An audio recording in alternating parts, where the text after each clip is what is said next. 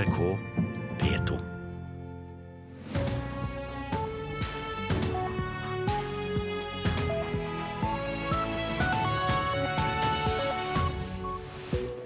Nyhetsmorgen fortsetter på P2 og Alltid nyheter med disse sakene.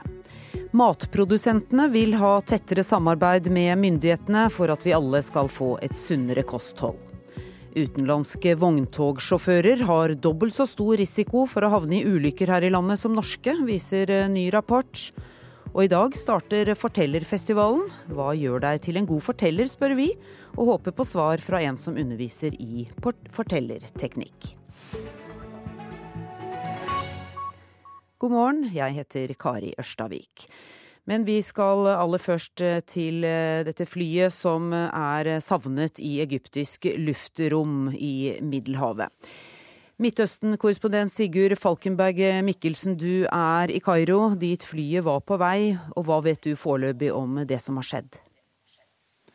Det er naturlig nok lite informasjon tilgjengelig, annet enn det som kommer fra uh, Egypt Air direkte. De kommuniserer på Twitter og har bl.a. meldt at flyet fløy på 37 000 fot da det forsvant. At det akkurat hadde kommet inn i egyptisk luftrom, fløyet ca. 16 km inn i egyptisk luftrom da de mistet kontakten med MS 804, som hadde tatt av fra Paris en del timer eh, før dette. Uh, ifølge en av, uh, en av, de ansatte i Egypt Air, en av lederne i selskapet, han har snakket med CNN uh, akkurat, og han sier at redningsmannskap er på vei.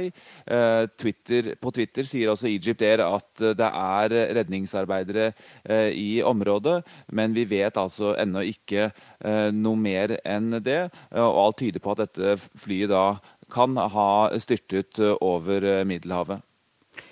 Både Frankrike og Egypt har vært rammet av terroraksjoner. Er, er det noe som blir, det blir spekulert i nå? Det er altfor uh, tidlig å si noe om uh, det. Vi vet ikke årsaken til denne ulykken. Og det var jo en ulykke, eh, eller si et terrorangrep eh, med et fly som tok av fra Egypt. Da var en eh, bombe gjemt om bord i flyet. Dette var et russisk charterfly som fløy fra Sharm el-Sheikh, og som da styrtet i Sinai. Eh, dette er et fly som tok av fra Paris. Eh, man må jo anta at sikkerheten på flyplassen der er noe bedre enn i Sharm el-Sheikh. Eh, men det er uansett spekulasjoner på nåværende tidspunkt. Og vi vet ikke hva som har skjedd med dette flyet. Og luftfartsmyndighetene her har ifølge lokale medier, luftfartsministeren, avbrutt en reise i Saudi-Arabia for å komme tilbake hit til Kairo for å følge opp denne saken. Takk skal du ha, Midtøsten-korrespondent Sigurd Falkenberg Mikkelsen. Og vi kommer selvfølgelig tilbake med mer så snart vi vet mer om denne.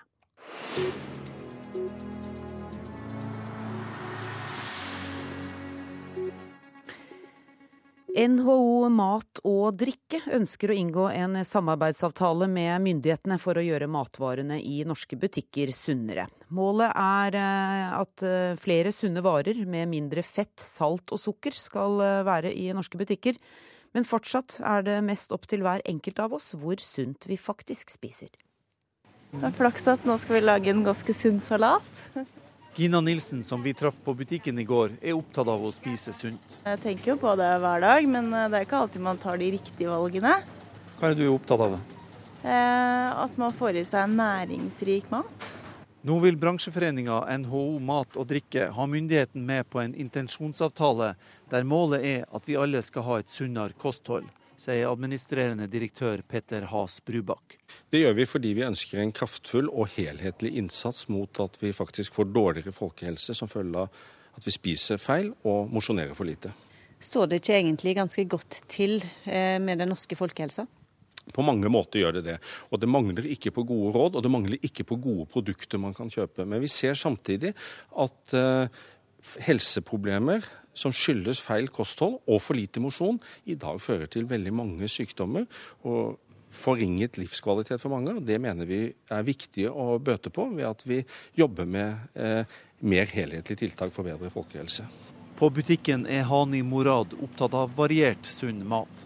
Eh, vi, vi, vi skal ikke spise altfor mye kjøtt, i hvert fall rødkjøtt. kjøtt. selvfølgelig ikke altfor mye sukker heller. 1400 norske næringsmiddelbedrifter er med i NHO mat og drikke, som altså vil samarbeide nærmere om kostholdet. Det er helseminister Bent Høie med på. Det som er viktig, det er å gjøre det som vi allerede samarbeider om. Eh, redusere saltinnholdet, redusere metta fett eh, og sukker i kostholdet. Og så bidra til at vi spiser mer av det vi må spise mer av, fisk, frukt og grønt. På spørsmål fra NRK vil ikke Høie foreslå noen avgiftslettelser som kan gjøre den sunneste maten billigere. Han mener produsenten har en egeninteresse i å gjøre maten vi spiser, bedre for helsa. Som jeg har sagt til de som driver, det er ingen god forretningsidé å ta livet av kundene sine, og her kan de bidra til at kundene lever lengre. Prøve å unngå mest mulig sukker, få i seg eh, mest mulig vitaminer, proteiner, fiber, sånne ting som det. Mm. En litt potetgull av og til, eller? Ja, det må du ha på lørdag. Reportere var Kjartan Røslett og Kjersti Strømmen. Hva gjør en eh, fortelling god? I dag sparker Fortellerfestivalen i Oslo i gang for 13. gang. Og festivalsjef Mette Kaaby og Sara Birgitte Øfsti, som underviser i fortellerteknikk på Høgskolen i Oslo og Akershus, velkommen til Nyhetsmorgen. Tusen takk. Først til deg, Mette Kåby. Hvorfor en egen fortellerfestival? Vet du hva, nå er det altså I all larmen av eh, visuelle inntrykk så er det helt fantastisk at uh, det er en sterk trend mot den kanskje eldste formidlingskunsten av alt, nemlig det å fortelle den gode historien. Vår festival uh, er den 13. i rekka. Og jeg vil nesten si at aldri har interessen for god fortellerkunst vært større. Hvem er publikummet ditt? Det er en festival som paradoksalt nok, eller veldig morsomt, det er alle aldersgrupper som kommer. Så vi har forestillinger hvor du har liksom, de veldig eh, unge voksne, altså sånn 18 til 27. Og så har vi de godt voksne og litt eldre i samme forestilling, til og med. Eller vi har hvor de kanskje skiller seg litt mer. Så det er, dette er for alle. Mm. Og, og eh, temaet for årets festival, det er ren skit? Ja. Det er kanskje mange som tenker ja, eh, det var noe, akkurat det det handla om, da. Ren skit. Eh, og det eh, skal det også handle om. Bare ren skitt. Men, eh, men, vi skal undersøke i løpet av disse fire dagene hva renhet og skittenhet er. Altså hva Vi skal gå til historien. Hva er den skitne historien? Er det slik at vi trenger de gamle historiene om fra fortida? Er det ikke slik at ofte så er de bare med på å bekrefte fordommer og fyre opp under konflikter i århundrer etter århundrer. Eh, kanskje vi skal begynne å velge ut hvilke historier vi skal fortelle frem eh, til fremtidens barn. Øfsti, du, er, eh, du, underviser i fortellerteknikk og er selv en av postene på årets fortellerfestival. Hva kjennetegner en god forteller? En god forteller, det er en som klarer å eh, eh, på en måte male ut noen bilder. Altså, vi snakker mye om sånn indre mentale bilder. Men det er klart at det, når jeg hører på en god forteller, så ser jeg hele greia for meg. Så jeg tenker at det er eh, nesten som å være på kino. Bortsett fra at jeg ikke har sett noe med øynene mine, men jeg har hørt det gjennom ørene. Men eh, den gode fortelleren tenker jeg at de fleste vet egentlig hva det er for noe. Det er den som liksom samler hele festen. Den som alle svermer rundt, fordi at det er den som klarer å ha dere, se, eh, se en eller annen situasjon på en morsom måte, klarer å liksom legge det ut, male det ut, dra det ut. Eh, dra oss inn i et eller annet. At vi blir sånn sugd inn, blir sånn fanga av noe, og så vil vi vite hvordan det går. Det er den gode fortelleren klarer det. Det handler ikke alltid det om å ha god diksjon, holdt jeg på å si. Artikulere, artikul, kan artikulere godt Nei, og grammatikalsk riktig språk. Ja, det er det. tenker jeg. Det er liksom det, eh, det er der hvor vi kanskje liksom roter det til. Der hvor vi tenker at vi må være så flinke. Det skal være så fint, det skal være så bra, det skal være riktig, det skal være riktig fakta og sånn. Jeg tenker, De gode fortellerne, de ljuger masse. De overdriver masse. De tar noen snarveier, og så setter de sammen kanskje to gode historier til én historie, og så er det For det er, poenget er jo at historien blir god. Altså Poenget de får fram en eller annen sånn aspekt eller perspektiv ved livet da, i en god historie. Ikke nødvendigvis riktig fakta og grammatikk, nei. Har du eh, noen gode eksempler på gode fortellere? Jeg satt og tenkte på liksom, Hvem er det som er sånn gode fortellere, sånn som i dag? Så tenker jeg at den som jeg syns har utmerka seg, er liksom hun Else Kåss Furuseth f.eks., med den der kondolerer-fortellingen, det er jo en utrolig god fortelling. Hun våger å gå frem og fortelle fra sitt eget liv. og Gjør det fint og veldig bra og utrolig rørende. og Det er en sånn historie vi blir liksom fanga inn i. Og så orker vi å høre tenker jeg, en sånn historie som ikke nødvendigvis er liksom bare god. Men fordi at hun står der og er personlig til stede, og det er også et sånt nærvær hos, hos fortellerne i dag, så orker vi å være med henne gjennom den historien. Er det viktig eh, å kunne noe om fortellerkunst for folk flest? Det er ikke viktig, ikke sånn livsviktig, men jeg tenker jo at det er viktig i et sånn samfunnsperspektiv at vi kanskje har med oss en sånn bevissthet på hva er det vi forteller, og at vi faktisk forteller. Og jeg tenker at for barn og unge f.eks. så er det et eller annet med å lære seg til å fortelle om seg selv, eller i det hele tatt for menneskene, da, å kunne liksom si noe om seg selv, fortelle om seg selv. Det er jo en måte å bli synlig på. Altså det folkets historie som ikke blir fortalt, kan jo bli usynlige. Så det å være Det å fortelle sin historie handler også om å bli synlig og på en måte bekrefte seg selv som et individ, da. Hvordan er eh, nordmenn sånn i forhold til andre folk eh, fær? Jeg tenker at alle forteller, mer eller mindre bevisst. Eh, men det er jo noen samfunn som lever litt mer i en, muntlig, en muntlig kultur. De er jo strålende gode. Altså afrikanske kulturer, asiatiske kulturer, som, liksom, som lever tett på, på en sånn mye mer muntlig kultur. Mens vi er blitt veldig skriftlige. Men alle forteller, altså. Det er egentlig bare å ta de der ørepluggene ut av øra på banen, og så sitte og høre på folk som prater og forteller historier til hverandre. Og det er veldig mye å få med seg. Til slutt, Mette Kåby, blir man en bedre forteller av å gå på fortellerfestival, tror du? Jeg tror du kan få veldig mye inspirasjon og veldig mange gode tips. Så kom igjen. Takk skal dere ha for at dere kom til Nyhetsmorgen. Vi tar en eh, kikk på dagens aviser. Dagens Næringsliv har eh, hovedoppslag på en bekymret etikkekspert. Professor Sverre Blandhol underviser norske advokater i etikk, og han liker ikke det han ser.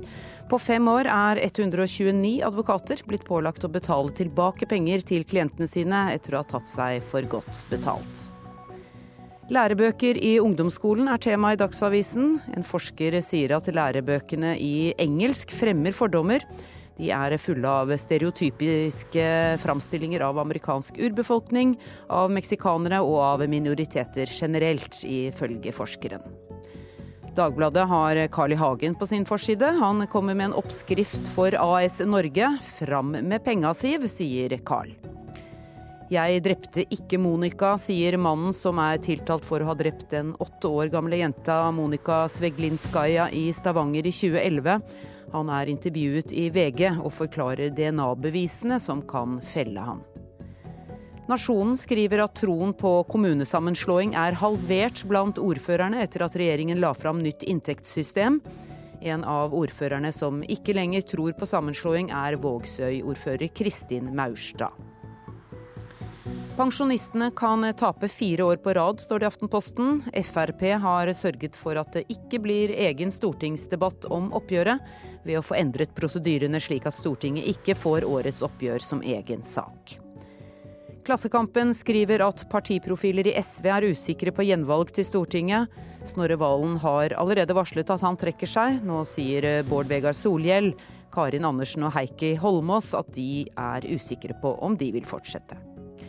Avisa Dagen skriver at statsstøtten til frikirkene er 5-20% mens støtten til humanetikerne er 83 Dermed er eh, noen mer forberedt enn andre dersom eh, statsstøtten til tros- og livssynsorganisasjoner faller bort, skriver avisa. Og vi tar eh, til slutt med at tidligere branntrener Rikard Norling troner forsiden av Bergens Tidende. Han sier at han ikke var godt nok forberedt på norsk fotball. Jeg hadde det veldig bra i Bergen, sier han. Det var bare resultatene som var negative. Og nå følger han med glede Branns framgang fra sin tilværelse som AIK-trener i Stockholm.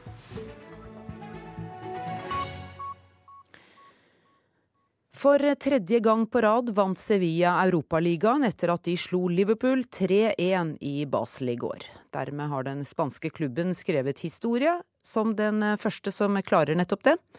Etter, eh, En tam førsteomgang av spanjolene slo de kraftig tilbake i andre omgang.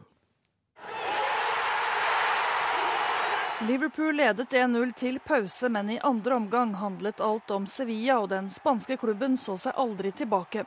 Kveldens store spiller ble kaptein Kåke, som skåret to mål på kort tid for spanjolene. Laget har hatt en fantastisk sesong. Vi klarte å reise oss etter en svak første omgang.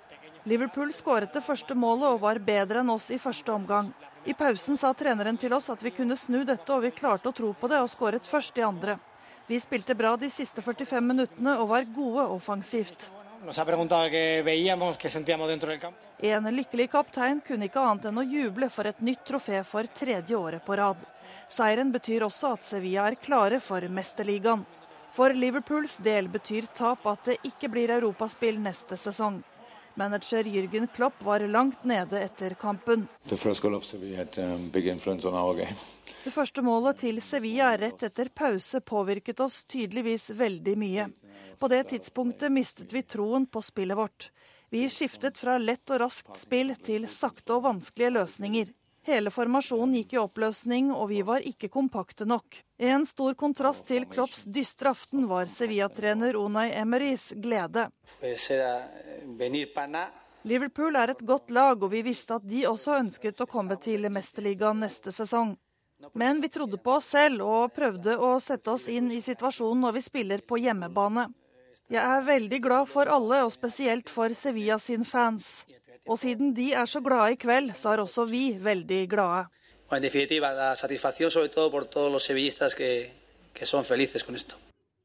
Reporter var Hilde Liengen.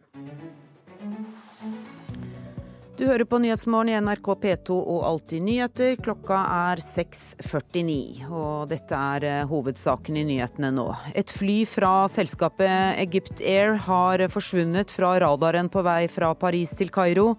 Det er 66 eh, mennesker om bord. Viseformann i Egypt Air sier til CNN at eh, det ikke ble sendt ut noen nødmelding fra det savnede flyet. Det er satt inn redningsteam i søket.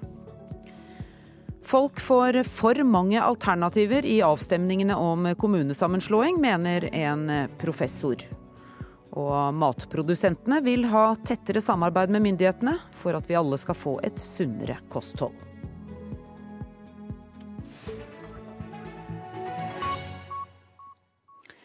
Utenlandske vogntogsjåfører har dobbelt så stor risiko for å havne i ulykker her til lands som norske. Det viser en ny omfattende rapport fra Transportøkonomisk institutt. Det er særlig to faktorer vi mener utgjør den største risikoen. Det forteller forsker Tor Olav Nevestad. Det første er erfaring med og kompetanse på å kjøre på norske veier, og det andre er vinterkjøring. Vi legger godt merke til utenlandske vogntog her til lands, særlig på vinteren og på dårlige veier. Ofte er de for dårlig skodd og sperrer veien når de setter seg fast, til irritasjon for andre veifarende. Rapporten konkluderer da også med at de har dobbelt så stor risiko som de norske for å havne i ulykke her til lands, forteller Nevestad. Utenlandske tunge godsbiler i snitt har dobbelt så høy risiko som de norske. Og Det viser jo hvordan det å være kjent med veinettet og farene i et land har ganske mye å si for hvor høy risiko du har. Det er særlig på veiene på Vestlandet, i Trøndelag og i Nord-Norge at utlendingene får trøbbel, sier Nevestad. Smalere veier, kanskje uh, flere svinger, og på, på vinterføre så blir det spesielt utfordrende. EUs regelverk har satt begrensninger i hvor mange utenlandske vogntog som kan transportere gods på norske veier, men dette kan endre seg. Og statssekretær i Samferdselsdepartementet Tom Cato Karlsen forventer en økning fremover. Og han mener regjeringa har tatt grep for å møte de utfordringer som rapporten skisserer. Trafikksikkerhet er et kontinuerlig arbeid som vi må jobbe med hele tida, men vi er i hvert fall fornøyd med å se at denne rapporten konkluderer med med de punktene som vi også har tatt tak i etter at vi kom i regjering. Reporter var Bente Johansen.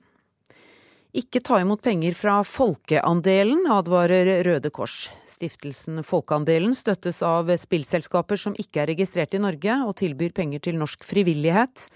De opererer ulovlig, mener Lotteritilsynet, som nå gransker stiftelsen. Vi er en seriøs aktør som vil bidra i det norske samfunnet, sier selskapet som gir penger til stiftelsen. Hei, vi har fått nye drakter og penger av Folkeandelen. Og vi har brukt pengene på korpsutstyr. Trenger din forening penger? Vi vil gjerne ha deg med på laget. Sjekk folkeandelen.no. Dette er oppfordringen som Røde Kors overhodet ikke vil ta. For disse henvendelsene er jo gjort på en så tilfladelig måte at man ikke umiddelbart nødvendigvis skjønner at dette eh, er penger fra kyniske utenlandske spillaktører som overhodet ikke driver en type ansvarlig spill. Sier kommunikasjons- og markedsdirektør i Røde Kors, Øystein Mjærum. De er nå bare en av flere organisasjoner som advarer på det sterkeste å ta imot penger fra folkeandelen. Det er jo rett og slett noen eh, småpenger fra milliardomsetningene til disse selskapene for å prøve å skaffe seg legitimitet i Norge. Folkeandelen får penger fra spillselskapene Playcherry og spillautomater.com. Og siden opprettelsen tidligere i år forteller Folkeandelen at de har gitt rundt 200 000 kroner til norsk frivillighet mot en registrering hos dem. Norgessjef for spillautomater.com, Kim Larsen, avviser at de driver med et kynisk spill. Vi er ikke en, en kynisk aktør. Vi, vi uh, tilbyr underholdning. Uh, vi tilbyr spill. Uh, og vi, vi, ønsker rett og slett å, å ha en mer åpen åpen dialog for å, for å bidra mer til det norske samfunnet. Dagens Næringsliv skrev i forrige uke at Lotteritilsynet nå vil granske spillselskapene som står bak folkeandelen. Monica Alisøy Kjelsnes er seniorrådgiver i Lotteritilsynet. Etter de opplysningene vi har per i dag, så eh, er, er framstår mye av formålet med folkeandelen å være å rekruttere spillere til spillautomater.com. Styreleder i Folkeandelen Bjørn Grene forteller at de allerede samarbeider med rundt 1200 foreninger i Norge. Han frykter ikke Lotteritilsynets gransking. Vi oppfordrer ingen til å omtale prate om spilleautomater.com. Vi informerer om hvordan, eh, hvordan eh, foreningen eh, kan skaffe seg penger gjennom samarbeidet med en av de som donerer penger til stiftelsen. Reportere var Stine Tråholt og Eirik Tufteland Kroken. Å snekre paller er blitt et begrep for det å være innsatt ved Ilseng fengsel eh, i Hedmark. Men nå har promillekjørerne byttet ut hammer og spiker med, mal med malerpensel. For i vår er det brukt 100 000 kroner på et kunstprosjekt. Jeg har lært masse, masse, masse på kunst. Jeg har lært mye. Det fins mye talenter i fengsel. Vi er på vei inn i Ilseng fengsel. Det er Torunn Myhre, NRK. Ja, kom inn. Et fengsel kjent for soning av promilledommer og spikring av paller. Det er liksom det som er eh, oppfattelsen. Men slik er det ikke. Nå er det andre ting som lages. For et tjuetalls innsatte har malerpenselen vært viktigste verktøy i vår. Når jeg hørte sånn der en kunstkurs og så tegning, da jeg var skikkelig, skikkelig glad. Han vil bare bli kalt PJ. Han har vært på Ilseng i snaut to måneder, og i disse ukene har han fått kunstundervisning. På blande farge og masse ting. Komposisjon og ja, komposisjon, Ja, hele, hele pakka. Hele pakka. På hvite fengselsvegger henger nå et tjuetalls fargerike kunstverk malt på pleksiglass og lysatt bakfra med LED-lys. Avdelingsleder på Ilseng, Ola Busterud, mener et slikt kreativt prosjekt har hatt en effekt på de innsatte som er med. Vi har jo veldig mange innsatte som er forholdsvis dårlig fungerende her. Og vi ser at når de får det rette å drive med, så, så blomstrer de, og dem òg. Når man når eh, sjela så hjelper det på andre måter som kanskje man har litt utfordringer med. da. Sier kunstneren som har leda kurset, Hilde Gustava Ovesen. Når man jobber kreativt og man jobber, filosoferer litt, ikke sant? det er naturlig at man deler litt av livet sitt. Så, så det har vært noen sterke møter. Velkommen til åpningen av kunstprosjektet vårt. Ideen om et kunstprosjekt kom fra Storhamar videregående skole, som har ansvaret for undervisninga i fengselet. Det tilbudet vi vanligvis har, er veldig eh, med tanke på videre utdanning, jobb etter en soning. Mens vi har hatt veldig få kreative tilbud, bortsett fra musikk, som er et tilbud vi har hatt i mange år. Sier fagleder ved skolen Hilde Frosta. Ok, første gang jeg så deg de innsatte kunne feire utstillingsåpning i går, bl.a. med eget band. Det er ikke lenger promillekjørere som soner her, og som fordriver tida med pallesnekring. Det er alle mulige typer. Det er en stor variasjon på hva bakgrunnen er. Forskjellige dommer, men det er hovedsak kortere dommer, da.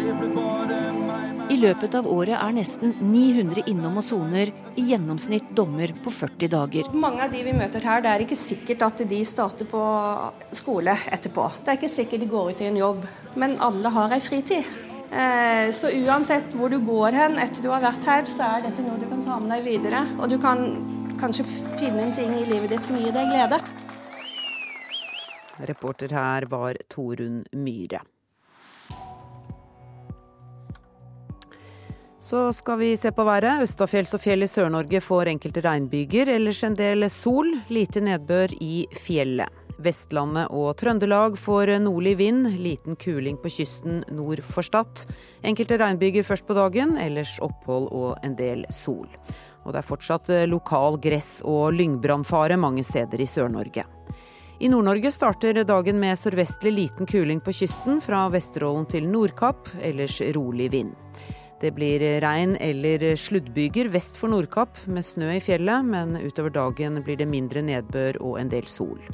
Og det kan eh, være lokalt vanskelig kjøreforhold først på dagen der det kommer nedbør. Spitsbergen, der er det ventet nordlig bris og enkelte snøbyger i dag. Og ellers er det stort sett uendrede temperaturer i Nord-Norge og på Spitsbergen.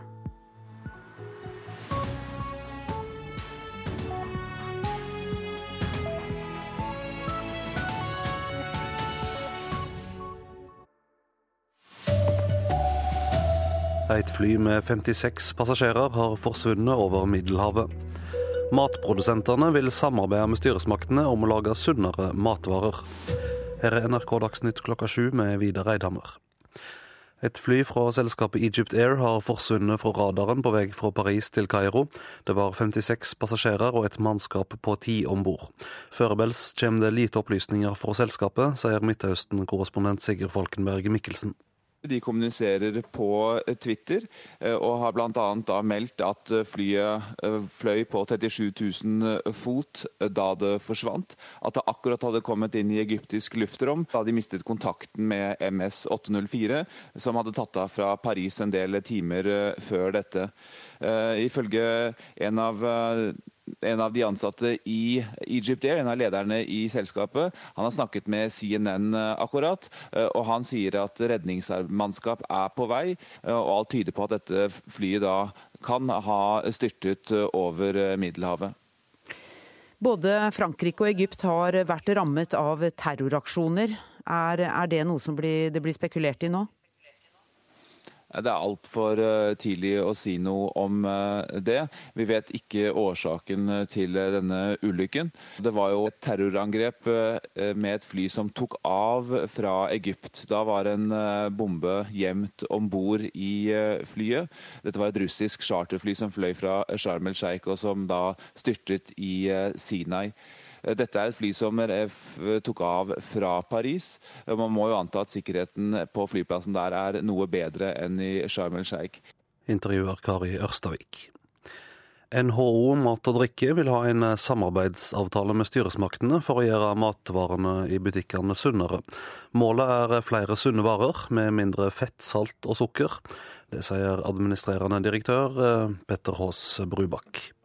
Vi mener at eh, mat- og drikkeprodusentene har et medansvar for at eh, vi har god folkehelse. At vi skal tilby sunne produkter, markedsføre de ansvarlige, bidra med innovasjon og nye måter å ta til oss mat og drikke på.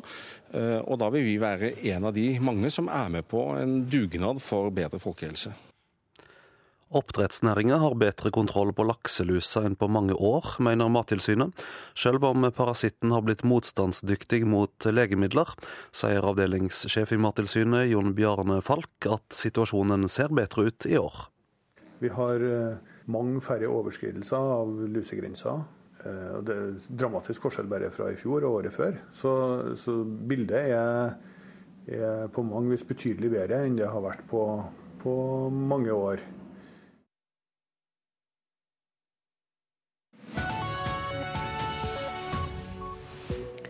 Nyhetsmorgen fortsetter i P2 og Alltid nyheter med disse sakene. Folk får for mange alternativer i avstemningene om kommunesammenslåing, mener en professor. Oljeprisen øker og nærmer seg nå 50 dollar fatet. Hva betyr det for kronekursen, spør vi. Og i Israel går det mot en utvidelse av regjeringskoalisjonen under ledelse av statsminister Benjamin Netanyahu. Men først, et passasjerfly av typen Airbus 320 er altså forsvunnet i egyptisk luftrom i Middelhavet. Flyet hadde 56 passasjerer og et mannskap på ti, og var på vei fra Paris til Kairo.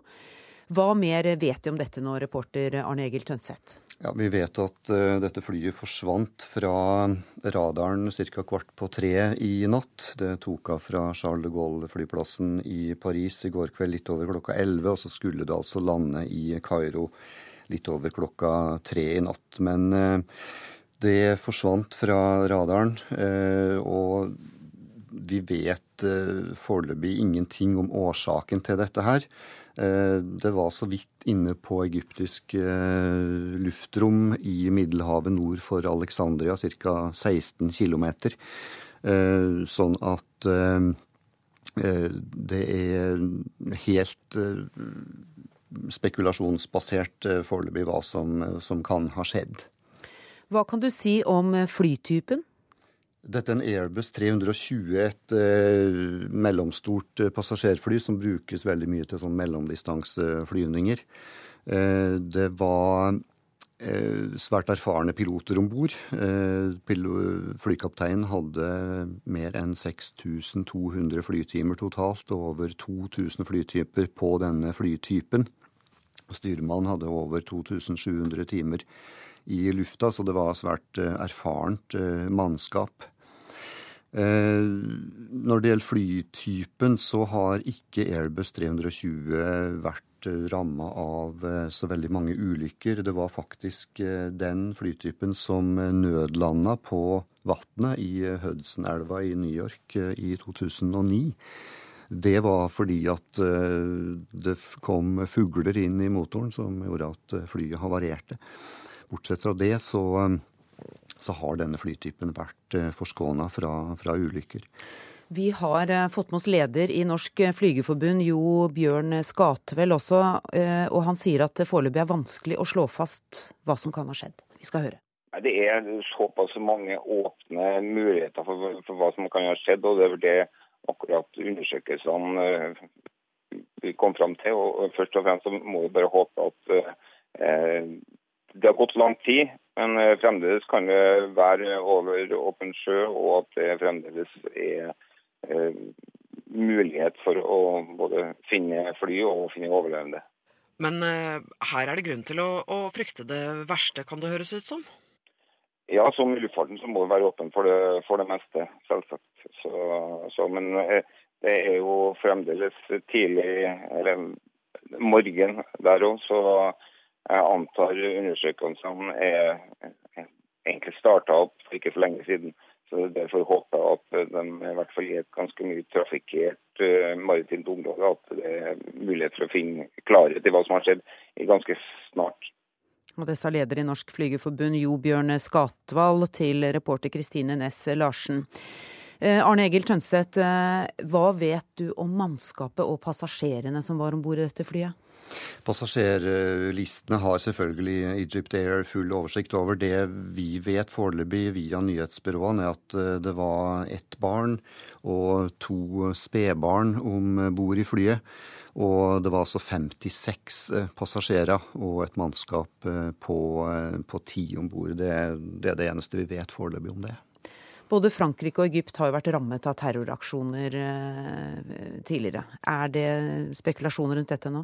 Foreløpig ingen spekulasjoner i det hele tatt, verken i egyptiske eller franske medier. De eh, skriver eh, foreløpig bare kalde fakta om det som vi foreløpig vet, og det som kan ha skjedd. Terrorspekulasjoner, det, det er det ikke, ikke foreløpig. Men eh, det har jo vært uh, ulykker som skyldes terror tidligere i Egypt, uh, senest i fjor høst, da et uh, russisk passasjerfly havarerte pga. en angivelig bombeeksplosjon over Sinai på vei fra Sharm el Sheikh til, til Moskva. Egypt Air har også vært utsatt for ei kapring senest i mars i år. Da en mann med et falskt bombebelte på seg tvang et fly til å lande på Kypros. Eh, også på vei fra Egypt. Eh, en person som i ettertid ble betegna som psykisk eh, ustabil. Mm. Det er altså et passasjerfly av typen Airbus 320 som er forsvunnet fra egyptisk luftrom i Middelhavet, og dette kommer vi tilbake til så snart vi har mer. Fra i dag av og i tre uker framover gjennomfører 109 kommuner folkeavstemninger i forbindelse med kommunereformen.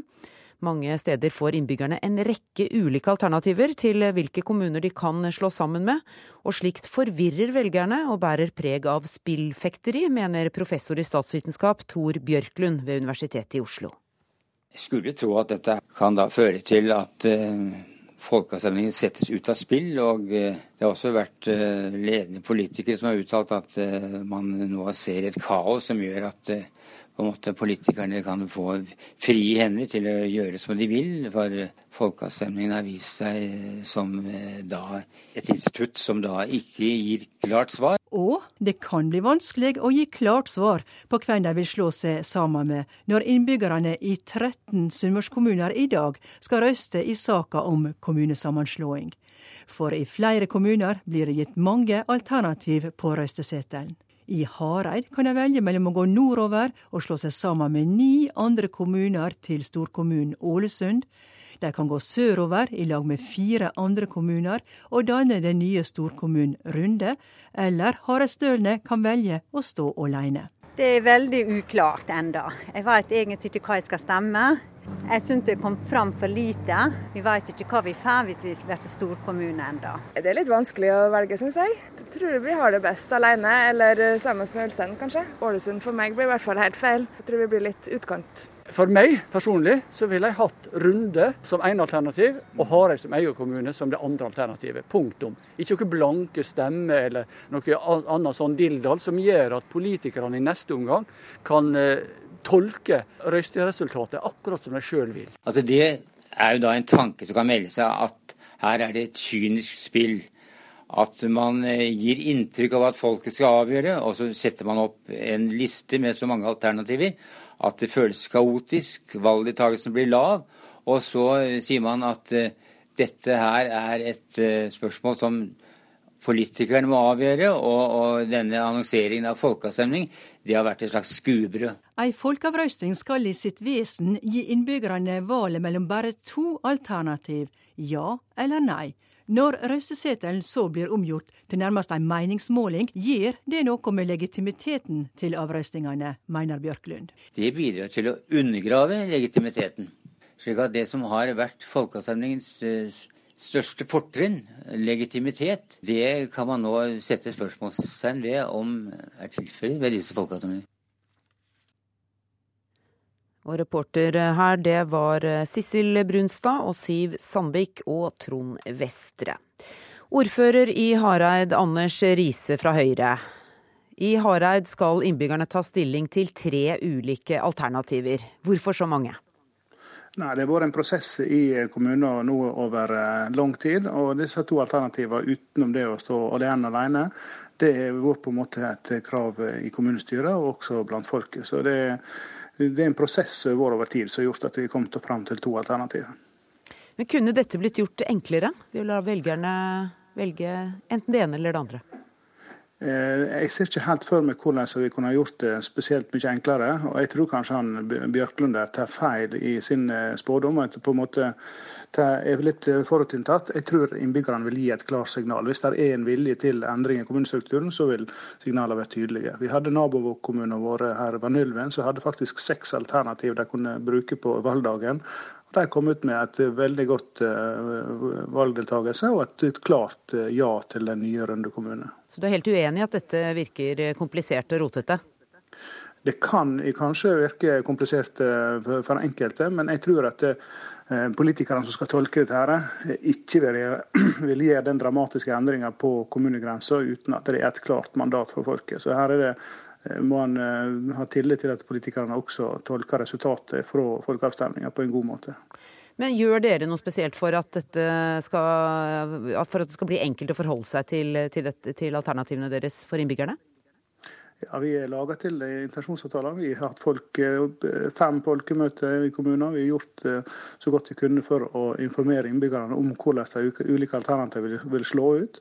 Og jeg tror at det, det har gjort at det har blitt ganske tydelig for folk hva de ønsker.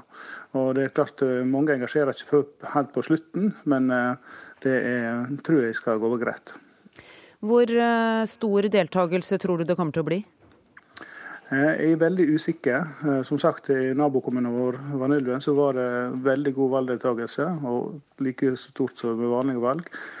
Forhåndsrøystene i Hareid er lavere enn normalt, så jeg er litt skeptisk. Og det er klart, Hvis at valgdeltakelsen blir lav, og det vi har flere alternativ, så er det klart, da blir det litt vanskeligere for politikerne å tolke. Det er korrekt.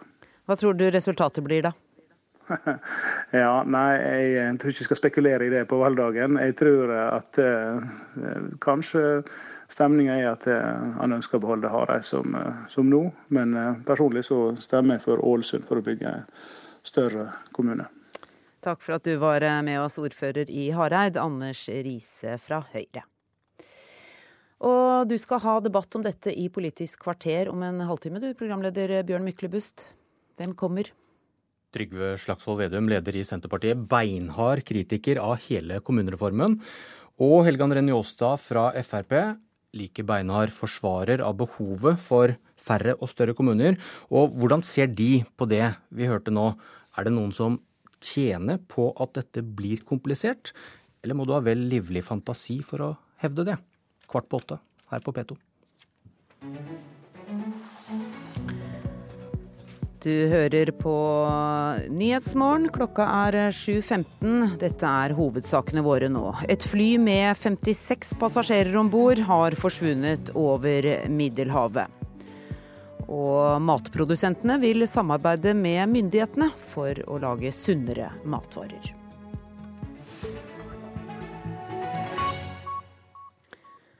Og oljeprisen øker og nærmer seg nå 50 dollar fatet. Prisen på nordsjøolje steg til 49,36 dollar fatet i Asia i går. Øystein Dørum, du er sjeføkonom i DNB Markets. Velkommen til Nyhetsmorgen. På morgenen i dag har oljeprisen gått noe ned igjen, men alt i alt, hvorfor øker oljeprisen? Det er flere grunner til det. Noe er eh, det underliggende bildet ved at eh, en lav oljepris lenge har gjort at en del produsenter nå produserer mindre, altså amerikanske skiferoljeprodusenter. De siste dagene så har det særlig vært eh, brann, skogbrann i Canada, som har medført nedstengning av flere felt. Canada produserer nå én million fat olje mindre per dag enn det de pleier å gjøre. Så er det angrep på installasjoner i Nigeria som eh, har medført at den nigerianske produksjonen er den laveste på 20 år. Og så er det en ny oljeminister i Saudi-Arabia som gir veldig klare signaler om at Saudi-Arabia kommer til å pumpe det de klarer, eh, og selge det de klarer av olje. Hmm. Og hvilken eh, effekt har, har dette på norsk økonomi nå? Eh, oljeprisen slår inn i norsk økonomi på flere vis. Det er, eh, altså, samlet sett så må vi si at en høy oljepris er bra for Norge. Det er bra for statens inntekter. Det er bra for landets formue, som øker. En høy oljepris gjør det jo mer lønnsomt å sette i gang ny produksjon. Og der ser vi ikke umiddelbare utslag. Det kommer til å ta tid før uh, endrede oljeanslag, oljeprisanslag eh, slår ut i endrede investeringsanslag, men det gir mer aktivitet på norsk sokkel. Det gir, som vi ser veldig tydelig, en sterkere norsk eh, krone. Spesielt inn mot feriesesongen så er det selvfølgelig verdsatt av mange. Men en sterkere norsk krone betyr også at norske varer blir dyrere. I fjor hadde reiselivsnæringen en fantastisk sesong. Og det, den årets sesong har jo startet krevende av andre årsaker. Men det blir neppe den like gode sesongen i år med den styrkingen av krona vi har sett dette året, sammen med oljeprisen. Mm. Økt oljepris er jo da bra for norsk økonomi. Men samtidig stiger eh, gjerne krona når oljeprisen eh, stiger, eh, og det er jo ikke så bra. Hvilken effekt merker vi først? Um, jeg vil kanskje si at de langsiktige effektene eh, er jo at vi blir rikere. Og de langsiktige effektene er at eh, vi får høyere oljeinvesteringer.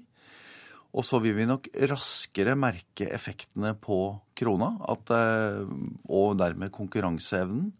At det blir billigere for nordmenn å dra til utlandet. Færre velger å legge ferien til Norge. Og at norske varer blir dyrere. Og at norske eksportbedrifter av den grunn møter litt vanskeligere markeder. Så på en måte så får vi litt svi. Hvis vi ser bort fra husholdningsøkonomien, så får vi litt svi før vi får gevinstene av de høyere oljeprisene.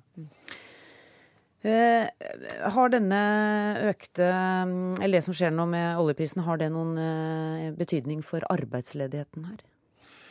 Ja, det har det jo. Og igjen, så det, er, de samme mekanismene som, som uh, virker, virker, inn. At, som jeg sa, så tror jeg samlet sett en, en høy oljepris er bra for, for Norge. Jo rikere staten er, jo mer kan staten bruke på offentlig forbruk og offentlige investeringer. Det betyr arbeidsplasser, det betyr lavere ledighet.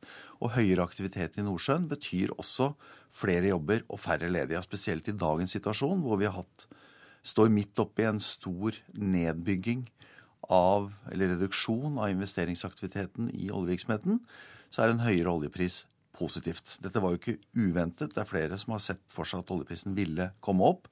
Og oljeselskapene har heller ikke basert seg på de lave oljeprisene, eller regnet med de lave oljeprisene vi hadde rundt årsskiftet. Eh, men det er positivt at, eh, at det kommer opp. Motsatt så har vi da Eh, svakere konkurransekraft for andre norske arbeidsplasser, som der vil bety færre jobber. Takk for at du kom til oss i Nyhetsmorgen, Øystein Dørum. Vi ser på avisenes forside i dag. Dagens Næringsliv har hovedoppslag på en bekymret etikkekspert. Professor Sverre Blandhol underviser norske advokater i etikk, og han liker ikke det han ser. På fem år er 129 advokater blitt pålagt å betale tilbake penger til klientene sine etter å ha tatt seg for godt betalt. Lærebøker i ungdomsskolen er tema i Dagsavisen. En forsker sier at lærebøkene i engelsk fremmer fordommer. De er fulle av stereotypiske framstillinger av amerikansk urbefolkning, av meksikanere og av minoriteter generelt, ifølge forskeren. Dagbladet har Carl I. Hagen på sin forside. Han kommer med en oppskrift for AS Norge. Fram med penga, Siv, sier Carl. Jeg drepte ikke Monica, sier mannen som er tiltalt for å ha drept den åtte år gamle jenta Monica Sveglinskaja i Stavanger i 2011. Han er intervjuet i VG i dag og forklarer DNA-bevisene som kan felle han. Nasjonen skriver at troen på kommunesammenslåing er halvert blant ordførerne etter at regjeringen la fram nytt inntektssystem. En av ordførerne som ikke lenger tror på sammenslåing, er Vågsøy-ordfører Kristin Maurstad. Pensjonistene kan tape fire år på rad, skriver, står det i Aftenposten. Frp har sørget for at det ikke blir egen stortingsdebatt om oppgjøret, ved å få endret prosedyrene slik at Stortinget ikke får årets oppgjør som egen sak. Klassekampen skriver at partiprofiler i SV er usikre på gjenvalg til Stortinget. Snorre Valen allerede har allerede varslet at han trekker seg. Nå sier også Bård Vegar Solhjell, Karin Andersen og Heikki Holmås at de er usikre på om de vil fortsette. Avisa Dagen skriver at statsstøtten til frikirkene er 5-20% mens støtten til humanetikerne er 83 Dermed er noen mer forberedt enn andre dersom statsstøtten til tros- og livssynsorganisasjoner faller bort, skriver avisa. Tidligere branntrener Rikard Norling troner på forsiden av Bergens Tidende i dag. Han sier at han ikke var godt nok forberedt på norsk fotball. Jeg hadde det veldig bra i Bergen, sier han. Det var bare resultatene som var negative. Og nå følger han med glede Branns framgang fra sin tilværelse som AIK-trener i Stockholm.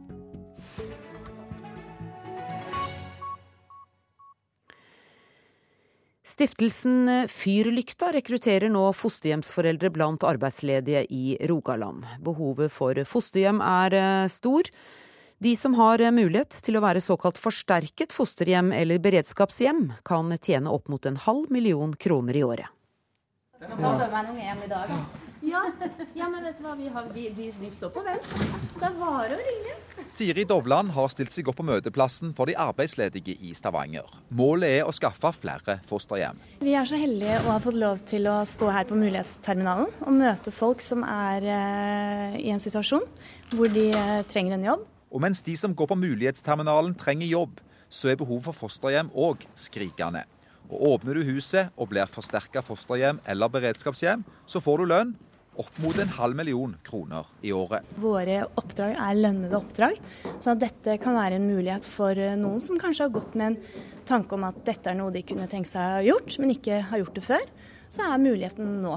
Økonomi som drivkraft for oss å åpne hjemmet sitt som eh, beredskapshjem, fosterhjem. Eh, hvordan ser du på det? Ja, altså Vi er jo selvfølgelig ute etter disse som, som jeg sa, som har et genuint ønske om å gjøre en forskjell for et barn eller en ungdom. og at økonomi skal ikke nødvendigvis være drivkraften, men selvfølgelig man må ha penger for å bo og leve.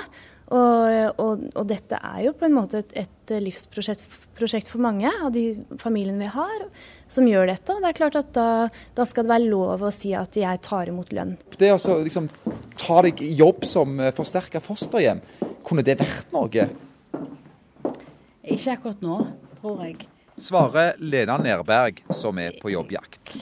Nei, jeg føler meg ikke kompetent eller flink eller uh, Jeg må ut. Jeg er for sosial. Jeg føler at da Nå har jeg vært hjemme. Jeg har ikke lyst til å være mer bonden til hjemme. Jeg har lyst til å komme meg ut. Da kan du inn til naboen. ha det, ha det.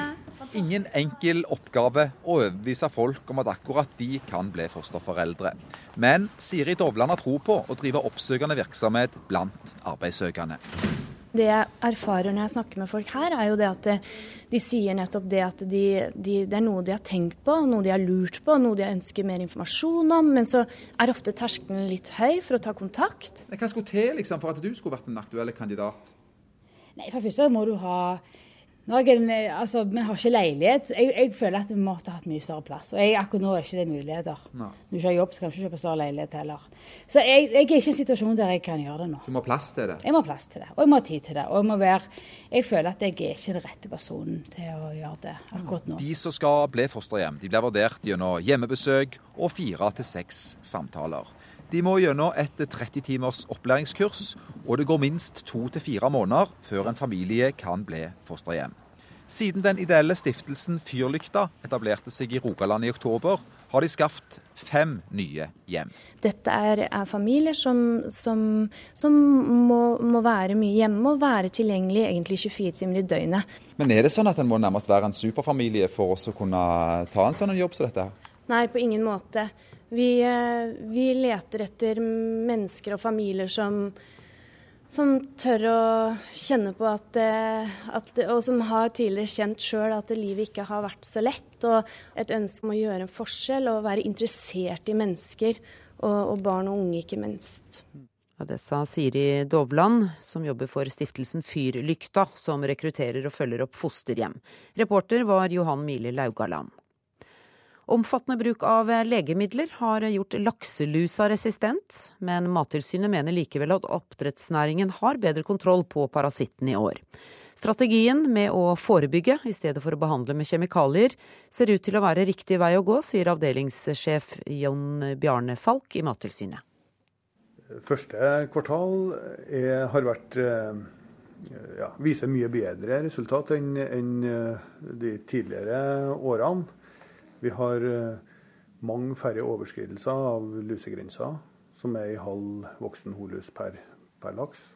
Eh, det er dramatisk forskjell bare fra i fjor og året før. Så, så bildet er, er, på mange vis betydelig bedre enn det har vært på, på mange år. Det var mange som frykta at 2016 kunne bli et forferdelig år for oppdrettsnæringa i forhold til lusestatistikk.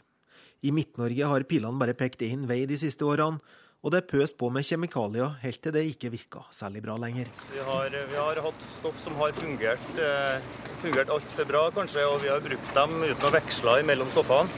Og Da er vi kommet opp i den situasjonen vi er nå og har sett lenge, at, at de ikke fungerer lenger. NRK Trøndelag har fulgt utviklinga og sett på hvordan strategien er forandra. Alt fra luseskjørt til fòring på dypt vann brukes nå for å unngå lus. Det velges bedre lokaliteter, og det produseres og brukes mye mer rensefisk i anleggene. Da skal vi bygge ut, eh, bygge ut trinn to nå, og da har vi, har vi muligheten til å produsere opp mot fem-seks millioner eh, rognkjeks på det anlegget, sånn som vi beregner. Og alt i alt har dette altså ført til en langt bedre situasjon i 2016 enn de foregående årene, sier Mattilsynet, som har henta ut ferske tall for NRK. Eh, samtidig så ser vi nå da, at en stigende tendens på de stadiene av lakselus eh, under, før, før, før, kjønnsmodning, og også antallet kjønnsmodne lus. Eh, så vi forventer vel også at når sjøtemperaturene stiger og, og, og dagslyset kommer, at vi, at vi, får utfordringer i år også. Men, men bildet så langt er, er betydelig bedre enn, enn det har vært i, i foregående årene. Reporter var Kjartan Trana. Innen 35 år kommer 10 millioner mennesker årlig til å dø av bakterier som tåler eh, antibiotika. Det ifølge rapporten Review on Antimicrobial Resistance. Tallet tilsvarer ett liv hvert tredje sekund. Enorme milliardbeløp må til for å forhindre en slik dramatisk utvikling, melder BBC. Du lytter til eh, Nyhetsmorgen. I reportasjen etter Dagsnytt kan du høre at 3000 eh, mennesker fra folkegruppa jesidiene i Irak fortsatt er i fangenskap hos eh, IS. Vi skal møte en ung kvinne som etter fire mislykkede fluktforsøk klarte å rømme fra IS med livet som innsats. Produsent for Nyhetsmorgen er Arild Svalbjørg. Jeg heter Kari Ørstavik.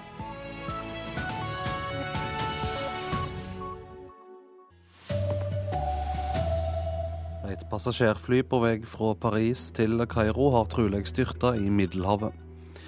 Folk blir forvirra over alle alternativer i avrøystinger om kommunesammenslåing, tror professor. Og utenlandske vogntogsjåfører har dobbelt så stor risiko for å havne i ulykker som sine norske kollegaer. Her er NRK Dagsnytt klokka 7.30 med Vidar Eidhammer. Et fly med 66 personer om bord har forsvunnet fra radaren på vei fra Paris til Kairo. Flyet hadde nett kommet inn i egyptisk luftrom da det ble borte. ونذكر حضراتكم بالخبر العاجل حيث صرح مصدر مسؤول Egypt Air rapporterer at fly nummer 804 som tok av fra Charles de Gaulle i Paris klokka 23.09 i går kveld, har forsvunnet fra radaren, forteller programlederen på statlig egyptisk TV. Flyet med 56 passasjerer om bord, deriblant to barn og et spedbarn, ble sist sett på radaren over Middelhavet nord for Egypt. Egyptiske myndigheter sier at det ikke ble sendt noen nødmeldinger fra flyet før det forsvant, ifølge Sky News. Egypt Air og luftfartsmyndighetene i Egypt sier nå at flyet trolig har styrta i sjøen. Leder i Norsk Flygerforbund Jo Bjørn Skatval sier dette er et område med mye maritim trafikk, og at flyet trolig blir funnet snart. Jeg antar undersøkelsene er egentlig starta opp for ikke så lenge siden. Så Derfor håper jeg at de i hvert fall i et ganske mye trafikkert uh, maritimt område at det er mulighet for å finne klarhet i hva som har skjedd i ganske snart. Reportere Irina Kjelle og Kristine Næss Larsen. Midtøsten-korrespondent Sigurd Falkenberg Mikkelsen, hva er de siste meldingene fra flyselskapet eller luftfartsstyresmakten i Egypt? Ja, Det vi hører eh, her via lokalt eh, media, er at Egypts luftfartsminister vender tilbake fra en reise i Saudi-Arabia for å håndtere denne saken. Eh, og Egyptair, flyselskapet, melder at styrker fra de, Egypte, fra det egyptiske forsvaret allerede er i gang med å forsøke å finne flyet som da forsvant Eh, akkurat idet det hadde kommet inn i eh, egyptisk eh, luftrom, men som da antagelig har styrtet i Middelhavet. Ble det sendt ut noe nødsignal? Så vidt vi vet, så har det ikke blitt sendt ut noe nødsignal, og det er lite informasjon rundt ulykken. Eller hva den er som har hendt. Og en som jobber på en fly, flyplassen i Paris hvor det tok av fra, sa til nyhetsbyrået Reuters at det eneste vi vet foreløpig, er at flyet tok av og at det ikke landet igjen. Hvordan foregår letearbeidet? Det er eh, altså styrker eh, fra det egyptiske luftforsvaret. Eh, det egyptiske luftforsvaret er forholdsvis stort. De var også involvert i letearbeidet da det flyet styrtet på Sinai, det som viste seg å være et terrorangrep. Vi hører også at greske myndigheter er involvert i letearbeidet, men det har vi ikke fått bekreftet ennå. Som du sier, så er det jo altfor tidlig å si noe om eh, årsaker til dette. Men hva kan du generelt si om tryggheten på flyreiser til og fra Egypt? Det har vært en eh, veldig tøff eh, periode for egyptisk luftfartsindustri og turisme det siste året. Vi hadde dette terrorangrepet i Sinai, og så har vi denne kapringen av et fly. Det viste seg å være en mental ustabil eh, mann som sto for den, eh, men det skriver seg under et eh, bilde av usikkerhet. Og det er klart at Dette er et hardt slag for Egypt, uansett hva som er årsaken og hva som eventuelt har hendt her. Sigurd Falkenberg Mikkelsen med oss fra Kairo. Heim igjen. Folk blir forvirra av alle alternativer i folkerøystingene om kommunesammenslåing. Det tror professor i statsvitenskap ved Universitetet i Oslo, Tor Bjørklund. Fra i dag og tre uker framover skal 109 kommuner gjennomføre folkerøystinger. Og mange steder får folk ei rekke ulike alternativ til hva kommuner de kan bli slått sammen med. Jeg skulle tro at dette kan da føre til at uh folkeavstemningen settes ut av spill. Og eh, det har også vært eh, ledende politikere som har uttalt at eh, man nå ser et kaos som gjør at på en måte politikerne kan få frie hender til å gjøre som de vil. For folkeavstemningen har vist seg som da et institutt som da ikke gir klart svar. Og det kan bli vanskelig å gi klart svar på hvem de vil slå seg sammen med, når innbyggerne i 13 sunnmørskommuner i dag skal røyste i saka om kommunesammenslåing.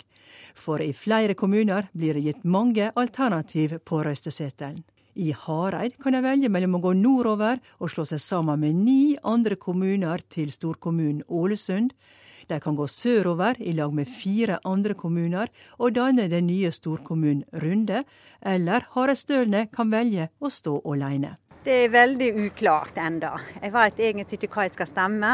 For meg personlig så ville jeg hatt Runde som ene alternativ, og Hareid som egen kommune som det andre alternativet. Punktum. Ikke noen blanke stemmer eller noe annet sånn dildal som gjør at politikerne i neste omgang kan eh, tolke røysteresultatet akkurat som de sjøl vil. Altså Det er jo da en tanke som kan melde seg at her er det et kynisk spill at man eh, gir inntrykk av at folket skal avgjøre, og så setter man opp en liste med så mange alternativer at det føles kaotisk, valgdeltakelsen blir lav, og så eh, sier man at uh, dette her er et spørsmål som politikerne må avgjøre, og, og denne annonseringen av folkeavstemning, det har vært et slags skuebrød.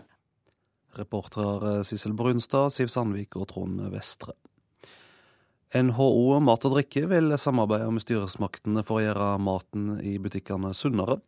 Målet er varer med mindre fett, salt og sukker. Det er flaks at nå skal vi lage en ganske sunn salat. Gina Nilsen, som vi traff på butikken i går, er opptatt av å spise sunt. Jeg tenker jo på det hver dag, men det er ikke alltid man tar de riktige valgene. Hva er du opptatt av? Eh, at man får i seg næringsrik mat. Nå vil bransjeforeninga NHO Mat og Drikke ha myndigheten med på en intensjonsavtale der målet er at vi alle skal ha et sunnere kosthold, sier administrerende direktør Petter Has Brubakk. Det gjør vi fordi vi ønsker en kraftfull og helhetlig innsats mot at vi faktisk får dårligere folkehelse som følge av at vi spiser feil og mosjonerer for lite. På butikken er Hani Morad opptatt av variert sunn mat. Eh, vi, vi, vi skal ikke spise altfor mye kjøtt, i hvert fall rødkjøtt. Eh, selvfølgelig ikke altfor mye sukker heller. 1400 norske næringsmiddelbedrifter er med i NHO mat og drikke, som altså vil samarbeide nærmere om kostholdet. Det er helseminister Bent Høie med på. Det som er viktig, det er å gjøre det som vi allerede samarbeider om. Eh, redusere saltinnholdet. redusere metta fett eh, og sukker i kostholdet, og så bidra til at vi spiser mer av det vi må spise mer av, fisk, frukt og grønt. Prøve å unngå mest mulig sukker, få i seg eh, mest mulig vitaminer, proteiner, fiber, sånne ting som det. Mm. En litt potetgull av og til, eller? Ja, det må du ha på lørdag. Reportere Kjartan Rørslett og Kjersti Strømmen. Utenlandske vogntogsjåfører har dobbelt så stor risiko for å havne i ulykker her i landet som norske. Det syner en stor rapport fra Transportøkonomisk institutt. Det er særlig to faktorer som utgjør den største risikoen, sier forsker Tor Olav Nevestad. Det første er erfaring med og kompetanse på å kjøre på norske veier, og det andre er vinterkjøring. Vi legger godt merke til utenlandske vogntog her til lands, særlig på vinteren og på dårlige veier. Ofte er de for dårlig skodd og sperrer veien når de setter seg fast, til irritasjon for andre veifarende. Rapporten konkluderer da også med at de har dobbelt så stor risiko som de norske for å havne i ulykke her til lands, forteller Nevestad. Utenlandske tunge godsbiler i snitt har dobbelt så høy risiko som de norske. Og det viser jo hvordan det å være kjent med veinettet og farene i et land har ganske mye å si for hvor høy risiko du har. Det er særlig på veiene på Vestlandet, i Trøndelag og i Nord-Norge at utlendingene får trøbbel, sier Nævestad. Smalere veier, kanskje uh, flere svinger, og på, på vinterføre så blir det spesielt utfordrende. Reporter Bente Johansen. Vi gjentar hovedsaken i denne sendinga. Et passasjerfly fra Paris til Kairo forsvant i natt fra radaren over Middelhavet. Styresmakten i Egypt tror flyet har styrta i havet. Det var 56 passasjerer om bord, med et mannskap på ti. Blant passasjerene var det 30 egyptiske og 15 franske statsborgere, opplyser Egypt Air nå. Flytypen var en Airbus A320, en nokså vanlig flytype som mange selskap nytter. Både Egypt og Hellas har sendt ut letemannskap etter flyet. Det skal ikke ha sendt ut nødsignal før det forsvant, like etter at det kom inn i egyptisk luftrom i natt norsk tid. Og Vi følger denne saka i videre radiosendinger utover dagen. Se også nrk.no for flere nyheter. Ansvarlig for sendinga var Anne Skårseth.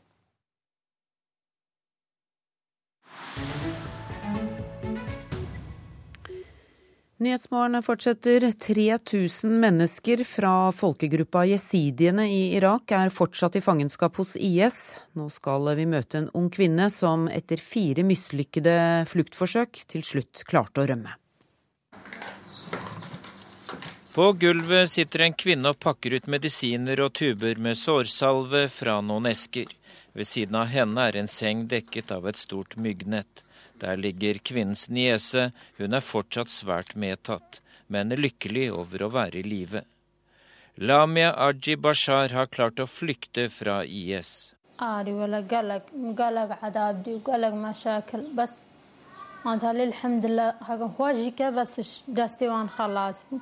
Takk Gud for at jeg er i live, den unge kvinnen forteller om fire mislykkede fluktforsøk før hun endelig klarte det. Halvannet år i fangenskap har ført til traumer det tar tid å lege. Selve flukten også. Hele ansiktet er dekket med arr og sår, for da hun rømte sammen med to andre jenter, eksploderte en landmine. Lamia fikk splinter i ansiktet og mistet synet på høyre øye. De to hun flyktet sammen med, døde. Onkel og tante har tatt vare på niesen etter at hun klarte å rømme fra IS i mars. Fra hus utenfor byen Badre nord i Irak har de utsikt over et vakkert landskap. Men i det fjerne skimtes en røyksøyle. Der pågår det kamphandlinger mellom kurdiske soldater og IS. Marerittet for den unge kvinnen startet i august 2014.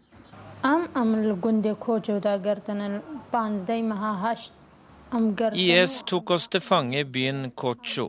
Vi ble ført til en skole, der ble vi adskilt fra mennene. Etter en stund ble jeg tvunget videre til Raqqa i Syria.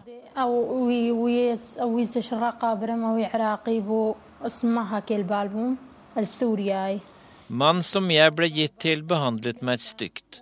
Han gjorde vonde ting med meg, forteller hun. Jeg ble solgt videre til et annet IS-medlem i Mosul. Da Lamia ble solgt til mann nummer tre, ble hun tvunget til å lage selvmordsbomber og bilbomber. Jeg ble slått mye, forteller kvinnen til nyhetsbyrået Associated Press. En tysk organisasjon har spesialisert seg på å hjelpe jesidiene. Lederen i Irak, Mirza Danai, sier det er blitt vanskeligere og farligere å flykte fra IS. Selvfølgelig i de siste to-tre uh, the escape way uh, has uh, become very, become very uh, difficult and dangerous. Danai forteller at IS har innført et system der kvinner blir registrert som eiendel til et IS-medlem. Dermed blir det vanskeligere å gjennomføre en vellykket flukt. And, uh, therefore, if uh, she escape, uh, every Daesh territory, every Daesh control or checkpoint or security force they know that there is uh, this girl or this girl with this name, she escaped from this owner. Enhver kontrollpost i regi av IS har kopi av et register. Stopper de en kvinne på flukt, kan de lett finne ut hvilken mann hun tilhører. Onkelen viser bilder av flere familiemedlemmer som er savnet. Familien tilhører jesidiene. De er en minoritet i Irak og har sin egen religion som minner mer om kristendommen enn islam. Før krigen i Irak startet, var det en halv million jesidier i Irak. Ifølge Associated Press har 2500 klart å rømme fra IS. 3000 er fortsatt i fangenskap.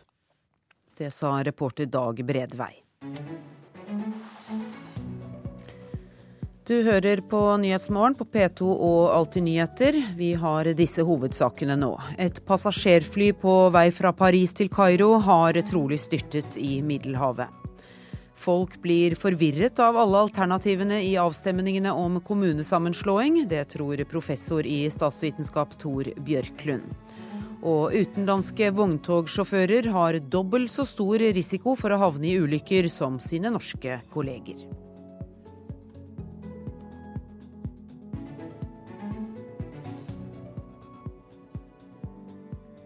Nyhetsmorgen fortsetter på P2 og Alltid nyheter, nå med Politisk kvarter.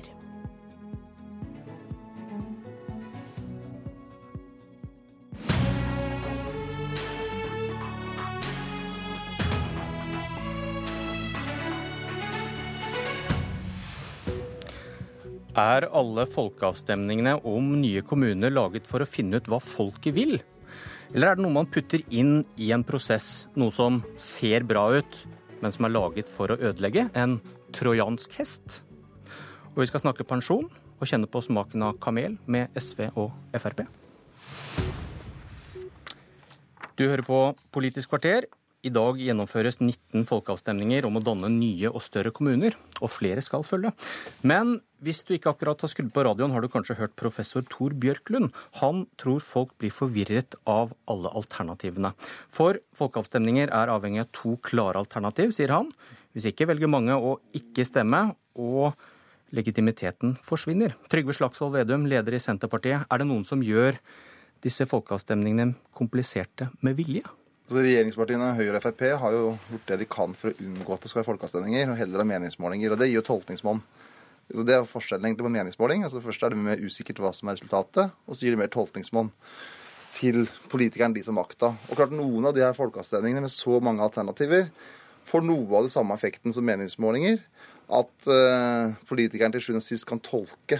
Uh, og så har vi i dag det er kanskje det mest ekstreme tilfellet. da, og det er at I Ørskog og Skodje så er det ikke mulig å stemme for egen kommune. Altså, der er i hvert fall ingen tvil om at det er med vilje at vi ikke skal bestå som egen kommune. Men i stort så tror jeg det er eh, mye desperasjon ute, for det har vært kjørt en prosess fra regjeringa som skaper masse problemer istedenfor å løse problemer. Og så føler de at de bare må inngå intensjonsavtaler både hit og dit. Og så blir det de dårlige avstemningene som vi nå ser eh, en del av. Og det er ikke lokalpolitikers sitt hovedansvar, det er regjeringa sin skyld, som har pressa på voldsomt enn det jeg kaller en uansvarlig prosess. Ja, Hvem er det som tjener på at det blir komplisert, da? Det er ingen som tjener på det, egentlig. Jeg syns alle taper på det. Alle taper på det tidspresset som regjeringa har lagt opp til. Heldigvis er det da mange som da gjennomfører folkeavstemninger der man lytter til folk, og det er det folket som får det avgjørende ordet. Det som er så rart med f.eks. Fremskrittspartiet og Høyre i denne prosessen, er at de har frykta folket og ikke hatt ønske av folkeavstemning i det hele tatt. De har hatt ønske ha meningsmåling istedenfor å la folket avgjøre hvordan de skal organisere sitt eget liv, og organisere sin egen kommune. Helge André Njåstad fra Fremskrittspartiet, du er leder i kommunalkomiteen på Stortinget. På det første spørsmålet om det er noen som gjør dette komplisert med vilje, med alle alternativene og sånn, så pekte han vel sånn diskré på deg uten å, uten å gjøre det? Ja, han kanskje det. Jeg kan jo peke tilbake på han. For det er jo ingen som har ivra mer for å ha folkeavstemninger i dette spørsmålet enn nettopp Senterpartiet. De har brukt to år på eh, å reise rundt og si at nå må vi ha folkeavstemninger. Og så når, når, det blir folkeavstemninger, så er det galt òg. Og så får regjeringen skylda for det òg. Eh, selv om regjeringen har vært veldig tydelig på at eh, det er kommunestyrene som har den viktige rollen med å vege ulike hensyn opp mot hverandre, og så fatter den riktige beslutningen innen 1.7. Men er du enig i at hvis det blir veldig komplisert, og folk blir forvirret, og få deltar, så flyttes makta tilbake til politikerne og ikke til folket. Jo, men Det er jo politikerne som spiller hovedrollen her, som må veie ulike hensyn opp mot hverandre. De skal lytte til innbyggerne sine. Det kan de gjøre gjennom både folkemøte, folkeavstemninger hvis de ønsker det, eller innbyggerundersøkelser, som vi har sagt er best for å få et godt beslutningsgrunnlag. Eh, men de folkevalgte kan aldri si at de skylder på folket. De, de må fatte avgjørelsen sin sjøl 1.7. Eh, og dette har de kjent til i mange år. så Det heter jo 2014, så man kan ikke komme og si man har dårlig tid på innspurten. Det har vært veldig godt kjent at et stort flertall på Stortinget ønsker en kommunereform og har lagt premissene for at eh, alle skal ta nabopraten og ta vurderingen sin. Du kan ikke skylde på tidspress og mas fra regjeringen på at dette blir komplisert, da, eller Vedum? Altså, det er veldig mange kommuner som nå har spurt om for mer tid, men regjeringen sier nei. For De er så opptatt av å få gjennomført den prosessen her lengst mulig unna et valg, for de vet at dette er upopulært hos folket. Og det er jo, eh, Hvis jeg hadde hørt på Bjørklund i dag, så sier jo han nettopp det at meningsmåling er et enda dårligere alternativ. For det gir enda større tolkningsmonn til makthaverne. Eh, og makt, altså og folket mister makta. Altså det vi gjør, i motsetning til Fremskrittspartiet, vi frykter ikke folket. Vi ønsker at folket, folk flest skal kunne ta beslutningen. Ikke at det skal sitte noen politikere som er så viktige, enten det er i et rådhus eller om det er et regjeringskontor, men at det er deg og meg, vanlige folk, som til sjuende og sist rundt i kommunene som men, men, kan du, hvorfor, kan, hvorfor, kan, kan du være enig, så redd for det? Litt, kan du være enig med Bjørklund i at dette, disse folkeavstemningene har store svakheter og er forvirrende, samtidig stå på det Senterpartiet har sagt hele tiden, at de skal følges blindt? Det er ingen tvil om at folkeavstemning er mye bedre virkemiddel enn meningsmålinger, og det sier jo Bjørklund også. Noe av problemet med noen av folkeavstemningene nå er at det nærmer seg litt mer meningsmålinger, at det gir så stor tolkningsmonn. Eh, men det er jo et mye mer demokratisk prinsipp at alle får si sin mening, går til en valgurne, gir sin oppfattelse, istedenfor at det som er vanlig i de meningsmålingene som regjeringa anbefaler, at 500 i kommunen blir spurt og med veldig, veldig ledende spørsmål. Altså F.eks. her har jeg et forslag til spørsmål som kom fra en kommune i Østfold. Er du villig til å betale høyere eiendomsskatt for å bestå som egen kommune? Svar ja eller nei. Altså det, og, og, så tolkes det etterpå. For da er det jo en som har stilt et spørsmål som ønsker en kommunesammenslåing, som den leger som føring. Så du bør ha mest mulig nøytrale spørsmål der folk kan ta stilling på en ordentlig måte. Men når det ikke er det, Njåstad, hvordan syns du det henger sammen at man at det er komplisert, men man skal følge folkets dom og ikke ta den, den vurderinga som du sier, da? Jo, Det er viktig at de folkevalgte tar en helhetlig vurdering. Eh, man kan ikke på en måte skyve innbyggerne foran seg og si at innbyggerne skal avgjøre dette alene. Det er de folkevalgte som må veie alle hensyn opp mot hverandre. Og, og så er det helt feil som, eh, som Trygve her sier, at vi frykter, frykter folket. Eh, vi legger opp til en prosess som gjør at vi skal fullføre denne reformen i denne perioden, altså rett før et stortingsvalg. Sånn at, at her gjennomfører vi det som fem partier på Stortinget har sagt at det er behov for en kommunereform. Du, Hva sier FrPs program om folkeavstemning? Da, da hadde vi jo en veldig god debatt debatt på i, i program, programdebatten vår i 2013. Da gikk hele landsmøtedebatten på er det folkeavstemninger som skal avgjøre dette, eller er det Stortinget som skal avgjøre hvordan kommunestrukturen er. Og Da landa et flertall i vårt landsmøte ned på at det er Stortinget som skal avgjøre det. Eh, sånn at det er vel kjent hva Fremskrittspartiet mener om eh, hvem som bør ta ansvaret for hvordan kommunene er inndelt. Jeg kan lese, jeg kan lese konklusjonen da i stortingsvalgprogrammet. Våre representanter skal alltid følge resultat av en folkeavstemning. Det er FrPs program. Men det som er litt sånn uh, prinsippløsheten i Njåstads argumentasjon her nå, at det, men hvis ikke resultatet av folkeavstemningen er sånn som vi vil, da skal vi ikke følge det. Men hvis det er som vi vil, så skal vi følge det. Men det, det dere gikk til valg på, er at dere alltid skal følge resultatet. Så det er en veldig rar holdning Frp har lagt til denne saken her. Jeg skjønner ikke hvorfor dere er så redd for å si jo, nå er det lokale debatter, de tar lokale beslutninger. Og selvfølgelig, når da beslutningen er tatt, så skal vi i Fremskrittspartiet, altså dere, respektere det. Og det er det vi i Senterpartiet sier. Altså når det blir ja, når det er klart, når mandatet er klart, Ja vel, da må vi respektere det. Og når det blir nei, når det er klart, og når mandatet har vært klart, så må vi respektere det. Og det burde være en selvfølge at også Frp vil lytte til folk, og ikke frykte folket. Og det her er jo tidenes sentraliseringsreform, så det er ikke rart at folk er imot, men da bør du lytte på folk.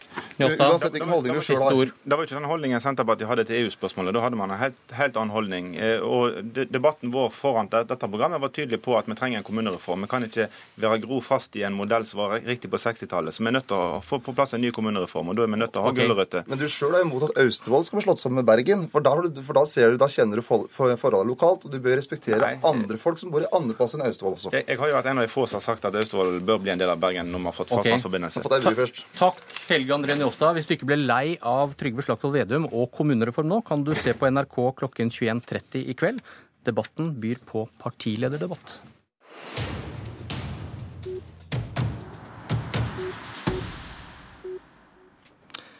Den bitre smaken av kamel. Frp er mot at pensjonistene skal komme ut i minus i trygdeoppgjøret, men regjeringen, der Frp er med, sa nei til å gjøre noe med dette. SV er også mot at pensjonistene skal tape, men stemte for pensjonsforliket, som gjør at det blir sånn. Hvis du har den foran deg på frokostbordet, se på forsiden av Aftenposten nå.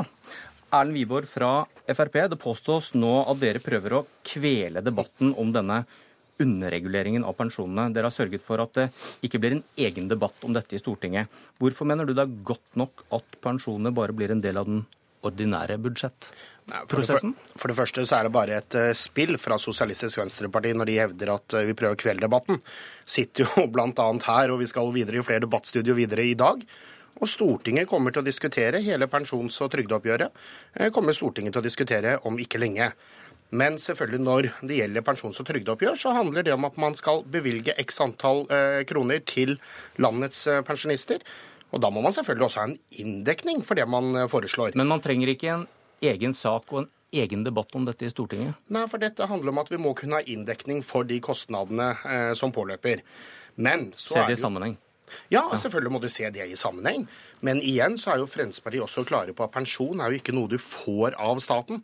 Pensjon er noe du har opparbeidet deg gjennom et langt arbeidsliv. Du har betalt din skatt og trygdeavgift. Og Det er derfor bl.a. Fremskrittspartiet syns det var galt og synes det var skammelig at Sosialistisk Venstreparti sammen med Arbeiderpartiet og de andre partiene inngikk et pensjonsforlik som, eh, som betyr at landets pensjonister skal få mindre i pensjon. Okay. Eh, det syns er vi imot. Ja. Kjersti Bergstø fra SV. Wiborg sitter her i debatt, som han påpeker, men mener du han prøver å kvele debatten? Ja, og han prøver også å villede debatten. Eh, fordi det er helt klart at SV eh, var imot pensjonsreformen. Vi tar, vi tar ikke jo, den men, debatten Jo, men SV var imot grunnlaget om at fremtidens pensjonister skal få mindre, eh, og, eh, mindre å leve for. Eh, men grunnlaget for den den ble lagt før valget i ja, 2005. Ferdig med den. Eh, men noen saker er for viktige eh, til at behagelighetsbarometeret til Frp skal få bestemme om ting skal til Stortinget eller ikke. Og trygdeoppgjøret er én ut av dem. Her snakker vi om inntekter til nærmere 870 000 alderspensjonister. Eh, og vi opplever nå eh, for andre år på rad at eh, pensjonister får nedgang i kjøpekrafta. Det syns vi i SV er alvorlig. Vi syns det er alvorlig at landets eldre blir hengende igjen, at man får mindre å, å leve for. Og da syns jeg det er veldig spesielt å prøve å gjemme unna debatten istedenfor å løfte den opp. Se det her er situasjonen, tørre å ta den i åpent terreng i Stortinget, der alle kan bidra, og der man også kan diskutere innretning på eh, trygdeoppgjøret, eh, og også hvordan eh, dagens politikk gir utslag for de ulike pensjonistgruppene. Jeg er veldig redd for at enslige blir hengende igjen. Og Derfor så kommer jeg til å fremme i dag et forslag for Stortinget om at regjeringa er nødt til å legge frem trygdeoppgjøret, og at det er en sak som skal behandles raskt. Hva svarer du, hva stemmer dere på et slikt forslag da, Wiborg? Nei, først, Jeg har ikke sett forslaget. Jeg må se et forslag før jeg tar stilling til det. Men er det prinsipielt for å få det som egen sak? Det var Nei, fordi, det du argumenterte ja, mot i stad. Ja, men det er jo feil det Bergstø og Sosialistisk Venstreparti her sier. For saken kommer til Stortinget. Arbeid- og sosialkomiteen og Stortinget i plenum alle stortingsrepresentanter kan være med i debatten om dette når Stortinget skal behandle revidert nasjonalbudsjett. Og der ligger også eh, pensjonsoppgjøret. Men, men jeg synes det, er, det jeg syns er litt spesielt der, er jo at Sosialistisk Venstreparti her prøver nå å eh, sette Fremskrittspartiet som hovedfiende. Fremskrittspartiet og undertegnede fremmet forslag i Stortinget i mai i fjor om å avvikle eh, og stoppe den usosiale underreguleringen av personer. Dette, dette, er, dette er kuttet pensjonistene må ta som del av pensjonsreformen, og der er dere egentlig enige? Ja, og det er derfor da Fremskrittspartiet fremmet forslag om dette i mai i fjor i Stortinget, da eh, støttet riktignok Sosialistisk Venstreparti eh, oss, og det er jeg veldig glad for. De andre partiene stemte imot, så de må jo da stå til ansvar på hvorfor de er uenig eh, med oss i akkurat det spørsmålet. Men så har jo Fremskrittspartiet og regjeringen gjort andre grep for å styrke, eh, for å styrke økonomien til landets pensjonister. Vi fjerner f.eks. den usosiale avkortningen for gifte og samboende pensjonister, sånn at nå fra 1.9 for landets gifte og samboende pensjonister 8000 kroner mer hvert par får det. Men dette, det er... dette, dette gjelder vel ikke de som er Nei, men, enslige, men som får mer enn minstepensjon? Nei, også, men la meg fullføre. Ikke, nei, ikke de som får mer enn minstepensjon. Men, men la meg fullføre. Det jeg syns er interessant, er jo hvorfor ønsker nå Sosialistisk Venstreparti at uh, gifte og samboende pensjonister nå skal få et kutt på 8000 Nei, kroner i året. Det er en, eh, en, annen debatt. Nei, men Dette er en viktig del av økonomien ja, til landets pensjonister som Sosialistisk Venstreparti ønsker å kutte 8000 kroner på. Men jeg registrerer at Pensjonistforbundet kaller det en hån mot landets eldre at regjeringa ikke vil ha trygdeoppgjøret eh, til Stortinget. Og jeg deler det synet. Men blir det, mer, blir det mer, penger til pensjonistene av at dette blir en egen sak i Stortinget? Spørsmålet er om man skal legge til grunn en eh, skikkelig behandling av en så viktig sak eller ikke. Og da kan man også vurdere innretning og eh, eventuelt mer eh, penger til pensjonistene. Det Frp gjør nå, det er å prøve å hindre den debatten. De frykter fjorårets fadese, der Frp på Stortinget snakka imot Frp i regjering, ble og, fremma forslag mot du, dere, sin egen regjering. Mot, SV var mot underreguleringen i fjor, men dere satte ikke av en krone til å rette det opp i deres alternative budsjett? Vi foreslo uh, å rette opp det, og vi fremmer forslag. Dere hadde det ikke i deres alternative budsjett? Nei, ikke en krone til å rette opp de milliardene de gikk glipp av i fjor? Men det her handler jo om hvordan uh, man uh, behandler trygdeoppgjøret. Og vi ønska, vi foreslo at man skulle komme tilbake i revidert budsjett nettopp fordi at man så at det var en underregulering, fordi at vi ser at det blir en underregulering i år, fordi regjeringens prognoser sier at det også skjer fremover i tid.